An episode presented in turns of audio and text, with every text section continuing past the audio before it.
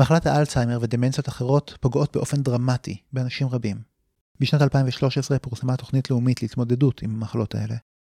מה כללה התוכנית, ועד כמה היא יושמה בעשור שחלף מאז. כל זאת ועוד מיד לאחר הפתיח.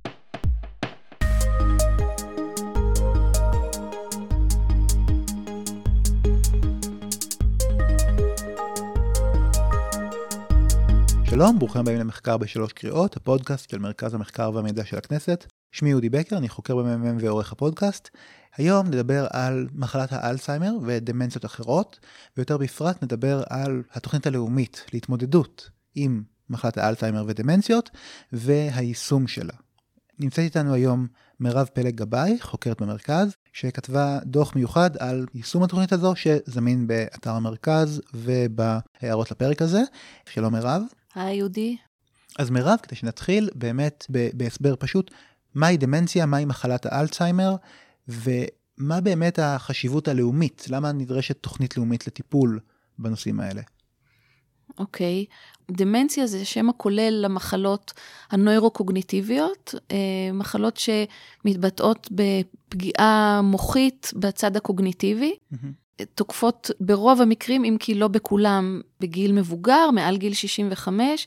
אלצהיימר זה הסוג הכי נפוץ של דמנציה, שבא לידי ביטוי ב-60-70 אחוז ממקרי הדמנציה. Mm-hmm. מחלה ניוונית שמתגלגלת באופן הדרגתי. Mm-hmm. החשיבות הלאומית, ולא רק הלאומית, עולמית אפילו, mm-hmm. היא נובעת מעצם זה שזאת מחלה ש... שיש לה היקפים גדולים. ארגון הבריאות העולמי העריך שב-2019 היו בעולם 55 מיליון חולים, ושעד 2030 כבר יהיו 78 מיליון חולים.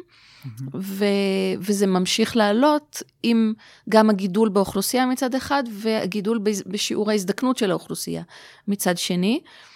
המחלה הזאת, מלבד זה שהיא באמת ארוכה וקשה, וקשה מאוד לסובבים את החולה, ויקרה גם, אה, יש בה נטל כלכלי גם על החולה וגם על מערכות הבריאות. זה בזירה העולמית. לגבי ישראל, נתחיל רגע מהזווית החיצונית, ה-OECD, mm-hmm. ההערכה שלו היא שב-2021, בישראל היו 11 חולים לכל אלף נפש באוכלוסייה, אה, שזה שיעור יחסית נמוך בהשוואה למדינות ה-OECD. זה עדיין יותר מ-1% מהאוכלוסייה. כן. וההערכה שלו שב-2050, השיעור שלנו אמנם יהיה הכי נמוך במדינות ה-OECD, mm-hmm. אבל הוא יעלה ל-17.3 לאלף נפש, שזה אומר יותר מ-270 אלף אה, בני אדם. וכאמור, על כל חולה כזה יש מעגל שלם של אנשים קרובים שסובלים יחד איתו. כלומר, זה משפיע על קצת יותר מאחוז מהאוכלוסייה, אבל בעצם ההשפעה היקפית. ההיקפית של זה היא הרבה יותר גדולה. נכון, נכון. עכשיו, הערכות מקומיות, אני אגיד לך שמהנתונים שאנחנו אספנו, אה, אז ב-2021 היו, לפי הנתונים של ארבע קופות החולים, ביחד הגענו לבערך 107 אלף נפש, אבל הערכת משרד הבריאות, שאנחנו לא בדיוק יודעים על מה היא מבוססת, כי אין בארץ רשם לאומי לדמנציה. Mm-hmm. משרד הבריאות העריך שיש 150 אלף חולים בישראל, ואני יכולה להגיד לך שנוירולוגים בכירים שדיברנו איתם, הם העריכו שמלבד 150 אלף החולים, יש עוד 150 אלף של אנשים שיש להם ירידה קוגניטיבית קלה, שזה לא דמנציה, אבל זה אנשים ש... אם לא יטופלו, יש להם סיכון יותר גבוה אה, לחלות בדמנציה. הפער הזה בעצם במספרים בין ההערכות, בין 107 ל-150, אולי גם אפילו ה-300, נובע מכך שאנשים לא, לא מאובחנים, לא אז, מדווחים? כן, נגעת בנקודה חשובה. הנושא של האבחון, יש בו כמה וכמה קשיים. קודם כל, אה, ידוע שיש תת-אבחון, לא רק בארץ אגב, mm-hmm. גם בעולם. מעריכים שתת האבחון הוא נע בין 30 ל-70 אחוז לפי השלב של המחלה. Hmm. וגם אלה שמאובחנים, אה, לא כולם מאובחנים במערכת הציבורית, ואלה שמאובחנים באופן פרטי לא תמיד מדווחים למערכות הציבוריות. זה דבר ראשון. דבר שני, באמת אפשר להצביע גם על כמה קשיים מובנים בכל נושא האבחון, ובוודאי האבחון המוקדם. קודם כל, זה שאין לנו עדיין בדיקה מהירה ופשוטה ומדויקת, כמו בדיקת דם, נגיד, שיכולה לאבחן את המחלה. זה, זה מקשה. הבדיקות שצריך בשביל אבחון מדויק, הרבה פעמים הן יקרות ופולשניות ו, ומורכבות. כן. אה, סיבה שנייה זה שגם לא קיים, כמו שאמרתי כבר, לא קיים עדיין טיפול יעיל וזמין, שנבדק mm-hmm. לאורך זמן, שידוע שהוא אפקטיבי במידה רבה, וזה משליך גם על התמריץ לאבחון מוקדם. כי בעצם, את אומרת, אם האבחון המוקדם, האדם אומר לעצמו, מה, אני אעבור את תהליך אבחון שהוא פולשני ולא נעים ו- וכדומה, כדי שבסופו של דבר אני לא אוכל לעשות עם זה כלום? נכון, יותר מזה, זה לא רק האדם עצמו, גם במערכת, יש אפילו בקרב אנשי המקצוע, יש הרגשה כזאת שכל עוד יש פער בין האבחון לבין הטיפול, אז אין כל כך תועלת רבה באבחון. אה, סיבה שלישית זה באמת חוסר מודעות מסוים, הכחשה בקרב, בציבור, אנשים שמתחילים להרגיש ירידה קוגניטיבית, הרבה פעמים אומרים, טוב, נו, הזדקנתי קצת, אני קצת סנילי, אבל זה טבעי, אה, ולא תמיד ערים לזה שזה עלול להיות משהו שהוא מעבר להזדקנות הטבעית. וגם במערכת חסרה מודעות, מערכת הבריאות עצמה. בחלקה.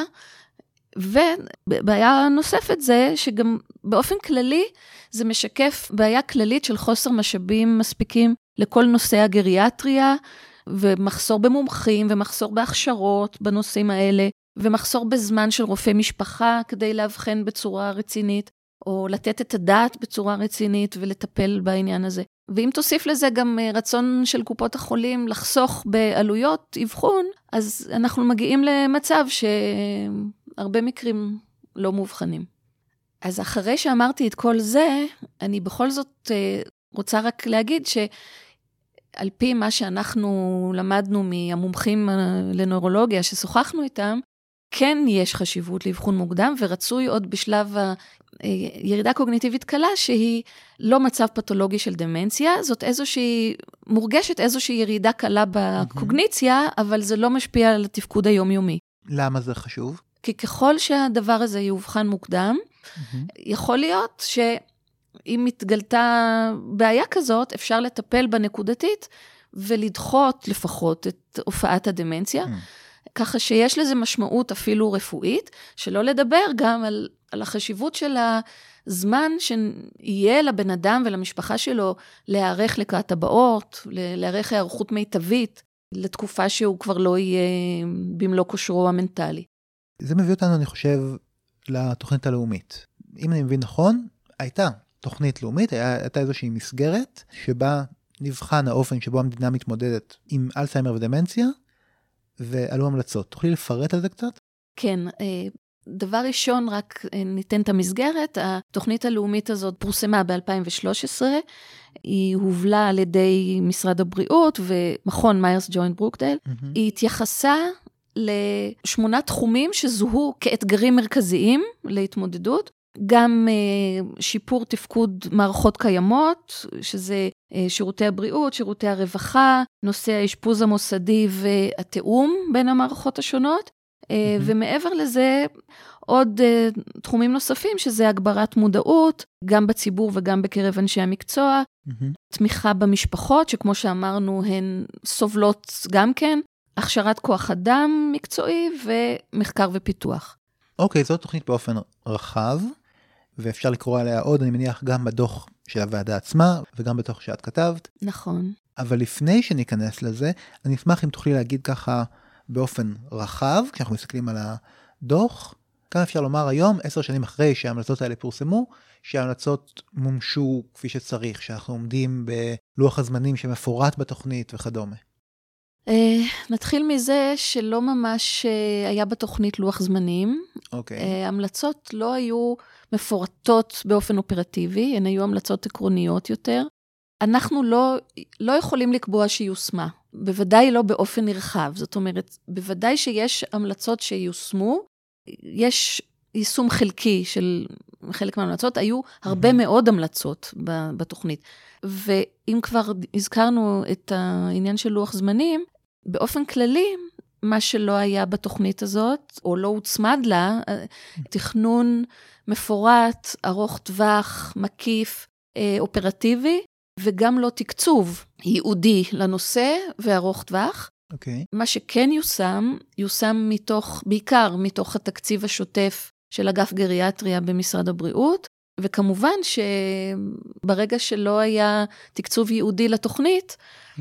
אז זה משליך גם על היקף הביצוע שלה. אז את מדברת כאן בעצם, אם אני מבין נכון, על שני אתגרים מרכזיים בפני התוכנית, שזה גם התכנון היותר מפורט וגם מחסור בתקציבים ייעודיים לתוכנית. נכון. אנחנו כן יודעים שאחרי הגשת התוכנית, פעל במשך כמה זמן אה, צוות יישום, גם כן mm-hmm. בין-משרדי, כי התוכנית עצמה גם כן הייתה, חשוב להגיד את זה, היא גובשה על ידי צוות רב-מקצועי ורב-ארגוני, ממשרדי ממשלה ומעמותות ומאנשי מקצוע, ואחרי הגשת התוכנית גובש עוד פעם צוות יישום, שהיה אמור לפרוט אותה לתוכנית יותר אופרטיבית. Mm-hmm. והוא פעל, והוא גם אולי, היו לו הישגים בזה שהוא העלה את התוכנית על סדר היום, והביא את הגופים השותפים, כמו למשל קופות החולים, אה, לחשוב יותר על הנושא.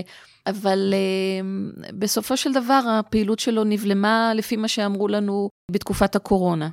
אני יכולה להוסיף עוד נקודה על התקציב, עוד, עוד משהו. בגלל שזה אגף גריאטריה, שהתוכניות שלו הן לכלל הזקנים, אנחנו לא יכולים להגיד מה, מה הסך הכולל של התקציב, שהוא קצת ספציפית לחולי דמנציה.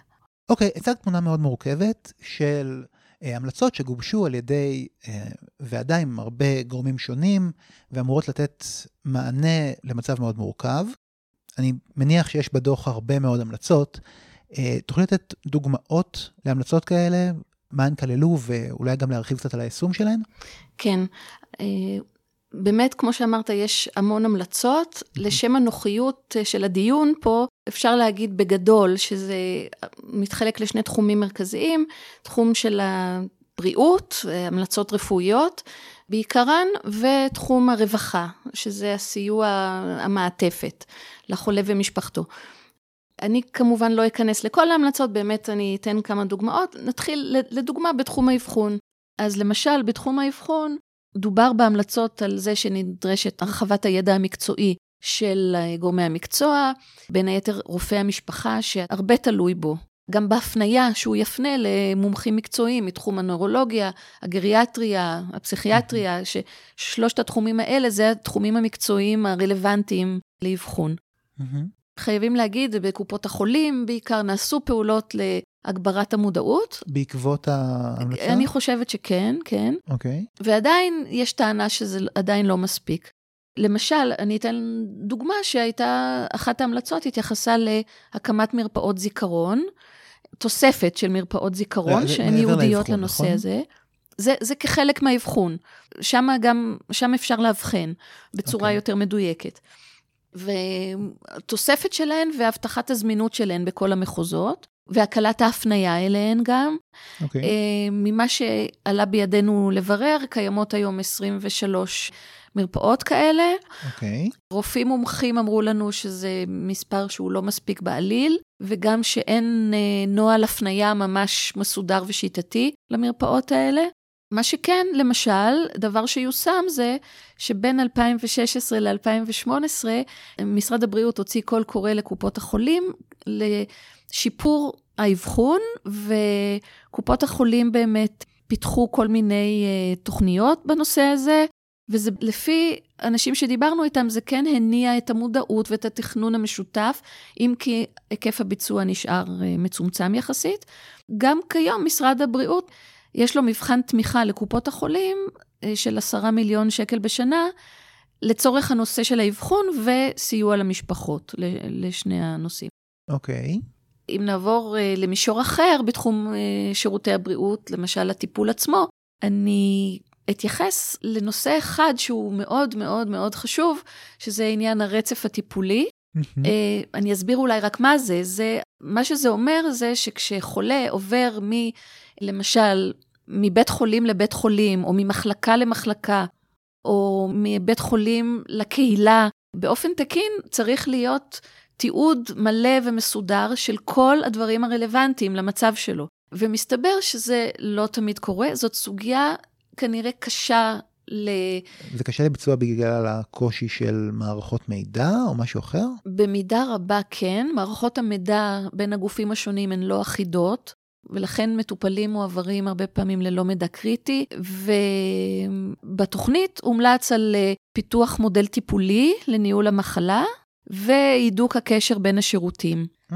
ועכשיו אני רוצה לעבור לעוד דוגמה אחת בתחום הבריאות, mm-hmm. שזה הטיפול בסוף החיים. טיפול פליאטיבי בעצם. כן. אוקיי. Okay. בשלבים המאוד מאוחרים של המחלה, בואו נקרא לזה מצבי סוף החיים, שם הייתה המלצה של אה, התוכנית הלאומית על טיפול פליאטיבי, שבעצם המהות שלו זה טיפול שהוא לא מיועד אה, לרפא, אלא להקל ולשפר את איכות החיים של החולה כן. ושל משפחתו. ובתוכנית הלאומית צוין שזה הטיפול הכי מתאים לחולים בדמנציה מתקדמת, אבל השירותים הם מצומצמים ורק מעטים מופנים אליהם, מעטים מבין חולי הדמנציה. Mm-hmm. ושיש אה, מודעות נמוכה אליהם גם בקהילה וגם במוסדות הסיעוד. אני אוסיף על זה שב-2016, שלוש שנים אחר כך, יצאה תוכנית לאומית, המלצות לתוכנית לאומית פליאטיבית, שלא mm-hmm. ייעודית לדמנציה. אה, חולי דמנציה היו אחד מקהלי היעד שאליהם מתייחסת התוכנית. וגם שם דובר על המון כשלים בעצם בתחום הזה, שאין הגדרה ברורה לשירותים ולתנאי הזכאות, ולכן יש פערים בין הקופות השונות ובין האזורים השונים. ושחולי דמנציה, בקשר לענייננו, מעט מאוד חולי דמנציה מופנים לשירותים פליאטיביים. למה? גם בגלל חוסר מודעות, גם בגלל שאין סטנדרטים, בסופו של דבר זה תלוי בהחלטות מנהליות או בשיקול הדעת של הרופא הספציפי. כלומר, זה כל פעם מחזיר אותנו למקומות האלה, של המודעות ו... נכון, ו... נכון. בהגדרות. נכון, ו- ותוסיף על זה שקיים מחסור ממש חמור באנשי מקצוע מומחים, מחסור גם בתקנים לרפואה וסיעוד פליאטיביים. ואני חוזרת לתוכנית הלאומית של הדמנציה, mm-hmm.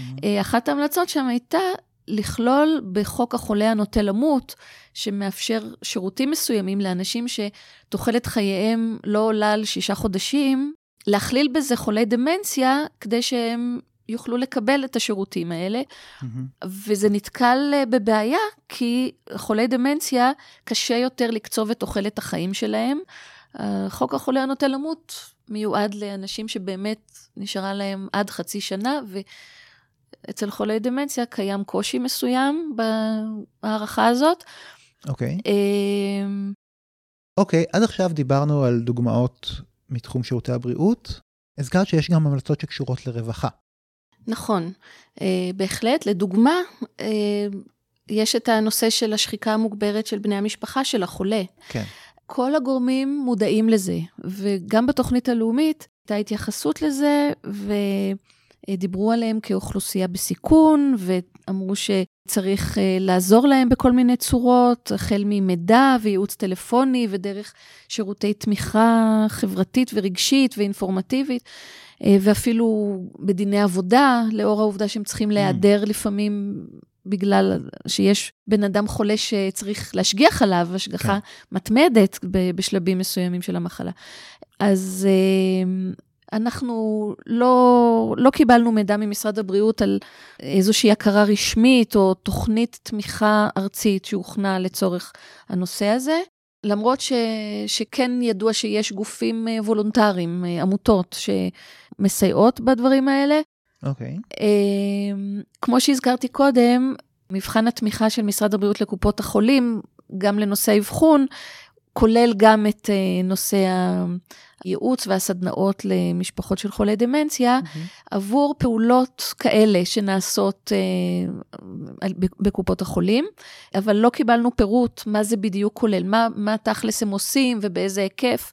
אוקיי, okay, וזה בנוגע לתמיכה במשפחות. יש עוד נושא שאת רוצה להתייחס אליו? בוא ניגע לרגע בנושא הכשרת כוח אדם, כי הוא רלוונטי לכל שלבי המחלה. אוקיי. Okay. למעשה, מלבד זה ש...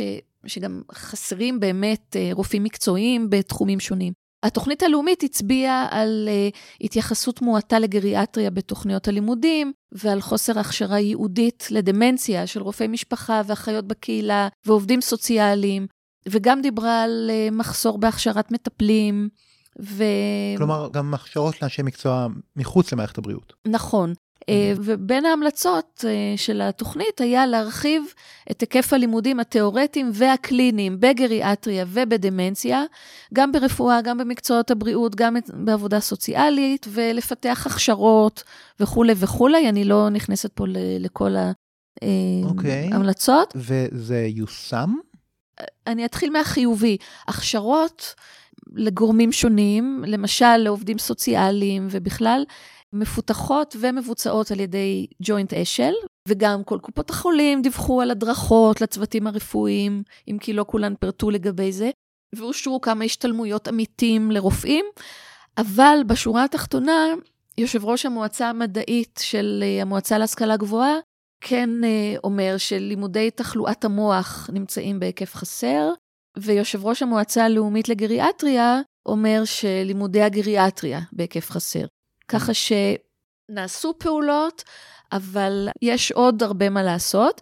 אני כן אציין שדווקא בשיתוף פעולה בין גורמים שונים, פותח בשנת uh, 2022 מתווה הכשרות של איזה הכשרות צריכות להיות, גם במקצועות הבריאות, גם בקהלים רחבים הרבה יותר, בתחום היהודי של דמנציה.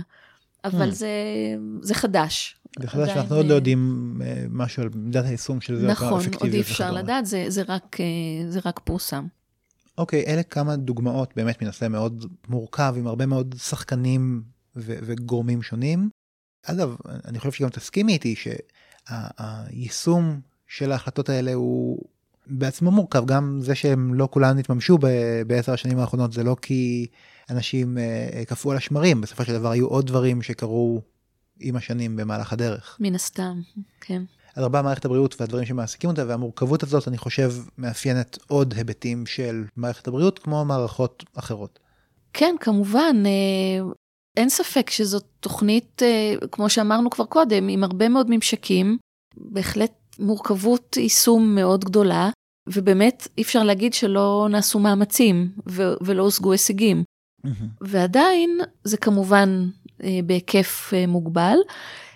בסופו של דבר הזכרנו כבר את נושא התקצוב. אני רוצה להגיד שאנחנו יודעים שאגף גריאטריה השקיע ו- ועשה פעולות, אבל אנחנו, הפעולות שלו הן ברובן לא ייעודיות דווקא לחולי דמנציה, אלא mm-hmm. לעוד אנשים, ואת הסכום הכולל הייעודי לחולי דמנציה אנחנו לא יודעים, וגם לא את שיעור הניצול שלו כמובן.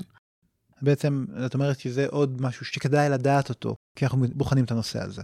כן. אמ, אנחנו באמת לקראת סיום, אם כבר נגענו בנושא אחד שכדאי לדעת עליו יותר, אז כמובן אני אמליץ למתעניינים לקרוא את הדוח המלא שלך, אבל יש נקודות יותר uh, ספציפיות שתרצי להזכיר? כן, אני יכולה לחשוב על שניים. נקודה ראשונה, זה שגם uh, בתוכנית הלאומית נושאים שהוזכרו ואפילו תוארו כחשובים או כנקודת תורפה, לא בהכרח היו להם uh, המלצות ספציפיות מפורשות. למשל בנושא של uh, הבטחת רמת הטיפול במוסדות האשפוז הממושך, דבר שתואר כנקודת תורפה וגם רופאים מהשטח התייחסו אליו ככזה. ובכל זאת זה מעניין שבתוכנית עצמה לא מצאנו המלצות מפורשות. ועוד אה, נקודה שאולי צריך לתת עליה את הדעת, זה שכאמור, התוכנית היא בת עשור. הטכנולוגיה לא שוקטת על שמריה וממשיכה להתפתח, ויש תרופות חדשות ו, ובדיקות חדשות, ו, ומצד שני גם האוכלוסייה ממשיכה להזדקן, ונשאלת השאלה אם התוכנית מלפני עשור מתאימה להיום. Mm-hmm. רוב הגורמים שדיברנו איתם אמרו שלדעתם בגדול היא עדיין כן תופסת. אבל אה, זה בהחלט אתגר. כיום, אם רוצים להיערך כראוי לכל הנושא הזה, צריך בהחלט לתת את הדעת גם על הזדקנות האוכלוסייה, המשך ההזדקנות, התרבות החולים הצפויה. כמו שאמרנו, ומצד שני גם הטיפולים החדשים שצפויים להיות uh, בפתח. אוקיי, okay. סוגיה מורכבת ומעניינת שדורשת תשומת לב ושאני בטוח שעוד נידרש אליה בהמשך. מירב פלג גבאי, חוקרת בממ"מ, תודה רבה לך. תודה לך, אודי. הדוח המלא עם פירוט נוסף על הנושאים שדיברנו עליהם ועוד נמצא באתר המרכז ובתיאור הפרק. תודה שהייתם איתנו ונתראה בתוכנית הבאה.